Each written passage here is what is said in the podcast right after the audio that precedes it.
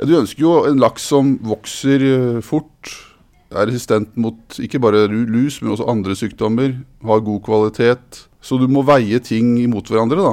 Seniorforsker Jørgen Ødegård i Aquagen kan ikke love en superlaks for fremtiden. Men han og kollegene avler på spreng for å fremme de gode egenskapene i fisken. Du hører på Tekfisk, podkasten om teknologi og forskning i sjømatnæringa. Mitt navn er Kjersti Kvile, og straks skal du få høre mer om hemmelighetene som ligger i fiskenes DNA. Jørgen Ødegård, Ja. kan vi avle oss ut av problemet med lakselus? Vi kan i hvert fall gjøre det vesentlig bedre.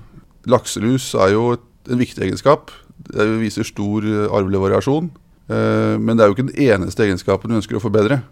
Så eh, hvis vi satser bare på lakselus, eh, avler kun for det, så kan vi få stor fremgang. Og det har vi jo demonstrert. Vi har hatt en demonstrasjonslinje, kan man si. Vi har selektert bare flakselus, to generasjoner, og får veldig, veldig gode resultater. Men uh, den fisken er jo ikke like god på andre ting. Så de uh, andre fisk fra samme populasjon som er avla for da tilvekst og sånne ting, de vokser jo vesentlig fortere.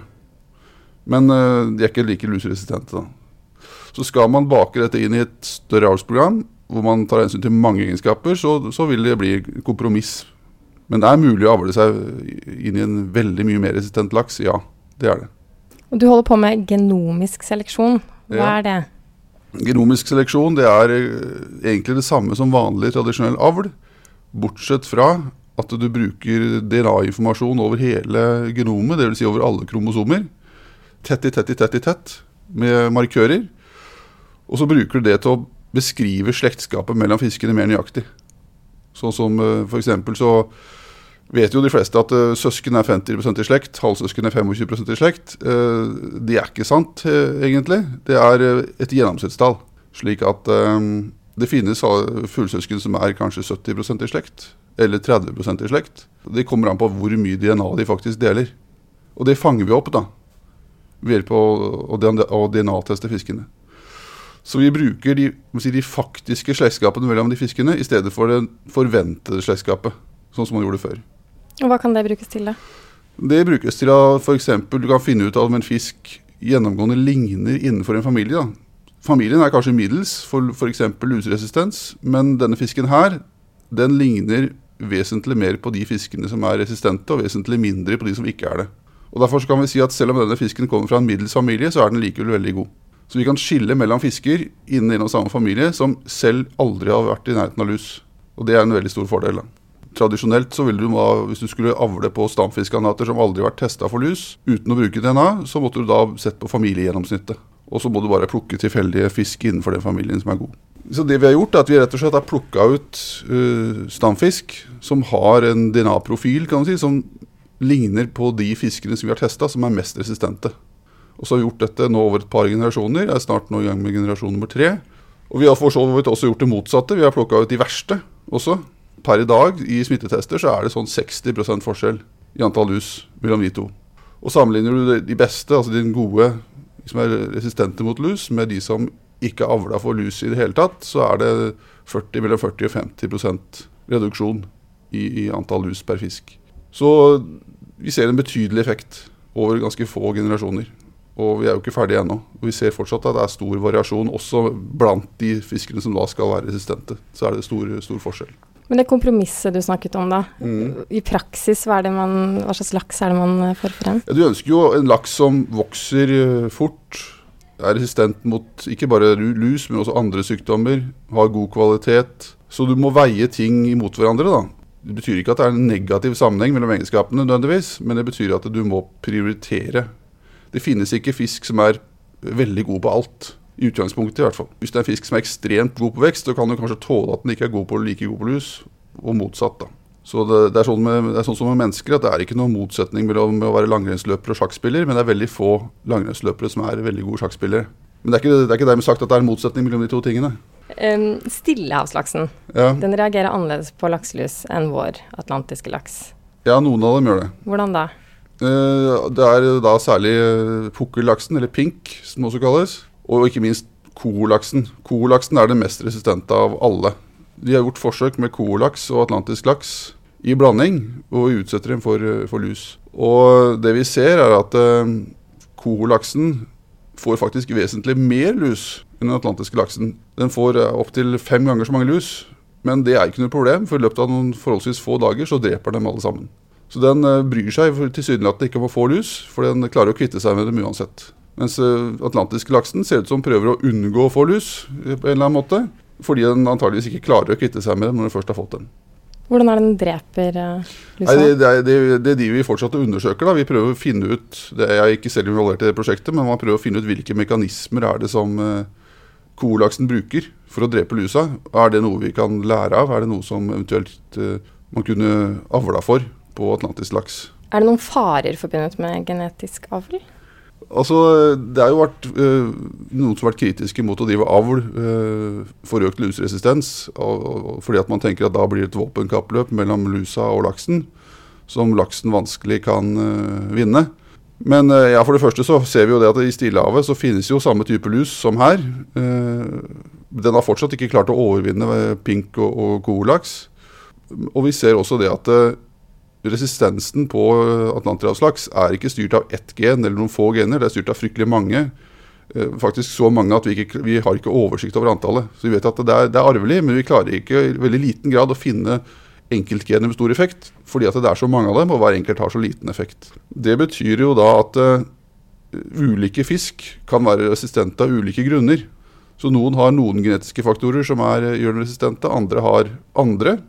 Og det er vanskelig for lusa å tilpasse seg en så sammensatt uh, resistens. kan man si. Så det å avle for resistens, det høres ut som det er ett tiltak, men egentlig er det mange tiltak. Mange små tiltak som til sammen har stor effekt. Og det er det mye vanskeligere å tilpasse seg til enn f.eks. hvis man går inn med ett medikament og bruker det veldig massivt. Da er det én faktor du gjør noe med, og ikke mange. Det er ikke genmodifisering? Det er ikke genmodifisering. Det er rett og slett å bruke de genene som allerede fins, og oppformere de gunstige og gjøre de ugunstige mer sjeldne. Det er det det dreier seg om. Det er rett og slett å styre hvem som skal få lov til å bli foreldre til neste generasjon. Det som dere holder på med, hvordan settes det ut i livet, altså i praksis der ute hos oppdretterne? Eh, altså Vi har flere løp. En, ting er hovedkjernen, som er liksom motoren i avlsarbeidet, som det er vi som har, og som da etter hvert kommer produkter i markedet uh, ut fra. Så den forbedringen som da er, skjer der, vil også spille over på markedet. I tillegg så det, kan det bli aktuelt å tilby på sikt uh, spesialprodukter også på lus. Om man rett og slett uh, plukker ut egg, eller foreldre til å produsere egg som er spesielt lusresistente i de områdene hvor det er aktuelt kanskje områder hvor luseproblemet er så stort at det overskygger det meste av andre ting. og Da er det kanskje villig til å ofre noe på tilvekst for å få bedre luseresistens. For du kan ikke få den beste fisken både på lus og tilvekst, som vi om. Det er vanskelig. Hvilken rolle vil Aquagen spille for uh, havbruksnæringen fremover, da? Altså Det som er uh, Tilvekst er jo en veldig viktig egenskap. Vår stamme er veldig god på tilvekst. Og vi har veldig, fortsatt et veldig stort fokus på tilvekst. Uh, tilveksten har vi regnet på at den alene, hvis du klarer å forbedre den genetisk, så kan du øke produksjonen vesentlig uten å øke biomassen i havet. Og Det gjør du ved at du får fisken raskere slaktemoden, og dermed så får du, uh, får du produsert mer på den samme biomassen. Så det er noen som har regnet på det og mener at det er ikke urealistisk å klare å doble produksjonen fram mot 2050 kun ved hjelp av genetikk, også dersom man skulle ha den samme biomassen stående i havet til enhver tid. Så potensialet er veldig stort. Og tilvekst er også veldig viktig med tanke på uh, å få gjort noe med altså Også både til lus. Jo kortere tid fisken står i havet, jo mindre lus får den, naturlig nok. Og mindre risiko er det for sykdommer osv. Så, videre. så jobber vi også med direkte mange sykdommer. Vi har funnet QTL-er for uh, veldig mange sykdommer. Laksen og uh, laksefisk generelt er veldig spesielle på det. tradisjonelle husdyr så finner man veldig lite store gener, store QTL-er. På laksefisk finner vi veldig mye. QTS og QTL det er, en, det er, et gen med veldig stor effekt. Så vi finner et gen, eller finner markør for et gen som henger veldig tett sammen med f.eks. sykdomsresistens. Det har man funnet på IPN, såkalte IPN-QTL-en, som da mer eller mindre har gjort uh, eh, IPN til et uh, veldig lite problem i, i norsk laksenæring i dag. I motsetning til før. Vi finner også ikke like store, men veldig betydningsfulle sånne QTL-er også for mange andre sykdommer. Vi kommer til å stadig økende grad fase inn det også i vår produksjon. og oppformere disse gunstige variantene som gir økt resistens, og dermed øke overlevelsen. Så Der tror jeg vi kan ha en veldig viktig bidrag til å få robusthet i, i næringa. Og sist, men ikke minst, så jobber vi også med fòreffektivitet. Mer direkte nå enn det vi har gjort før. Tilvekst forbedrer også fòreffektiviteten. Men nå arbeider vi også med å kunne avle mer direkte på fòreffektivitet i seg selv. Og hva betyr det da? fremover? Det betyr, at du, altså det, det betyr at du avler fra en fisk som vokser mer på mindre fôr. Så det blir mer eh, økonomisk, og det blir mer miljøvennlig. Så det som, man, det som, har vært utfordringen med å avle direkte for fôreffektivitet, det er at det, eh, det, krever at du både registrerer tilvekst, som jo for så vidt er greit nok, men du må også registrere hva hver enkelt fisk spiser. Det er ikke nok for oss å vite hva mæra som totalt sett spiser eller tar opp. Vi må vite hva hver enkelt fisk spiser for å kunne bruke det i avl. Det er jo ikke realistisk uh, med dagens teknologi, og kanskje ikke med, morgendagens teknologi heller, i en stor mær, å vite hva hver enkelt fisk spiser. Så vi har funnet fram til metoder hvor vi i stedet for å se på Vi bruker isotop, som kalles for isotopprofilering. Da kan vi måle hvor fort fisken tar opp, og hvilken kvantum fisken tar opp næringsstoffer i kroppen fra fôret. Og, vi, og det henger jo selvfølgelig tett sammen med hvor mye den spiser. Og ved å sammenligne det med hvor mye den vokser Hvis du tar opp mye næringsstoffer uten å vokse noe særlig, så er du ikke effektiv. Men hvis du tar opp mye næringsstoffer og vokser ganske mye, så det, henger jo det bedre sammen. Så ved å se på forholdet mellom næringsstoffopptak i kroppen og veksten, så kan vi få den individuelle fòreffektiviteten på hver enkelt fisk i mær. Med alt dere driver med, hvordan ser næringa ut om 10-20-30 år? Det er vanskelig å si, men det vi ser er i hvert fall at potensialet for fortsatt videre fremgang, både i de egenskapene vi har avla for lenge, og de nye egenskapene som dukker opp, er veldig stort. Eh, vi ser jo at det kommer også nye markeder. altså det, Produksjon på land vil kanskje øke. Det vil kunne kreve et eh, tilpassa produkt i forhold til produksjon i sjø. Det er jo mange egenskaper som ikke er eh, som, Det er mange egenskaper som ikke er eh, spesielt relevant i, i uh, et lukka anlegg. Lus f.eks. er ikke spesielt relevant, så, så, det er neppe så veldig aktuelt å avle for. Og så kan det også tenkes at f.eks. tilvekst uh, osv. er en litt annen egenskap i et landbasert produksjon enn det det er i, i en åpen sjøanlegg.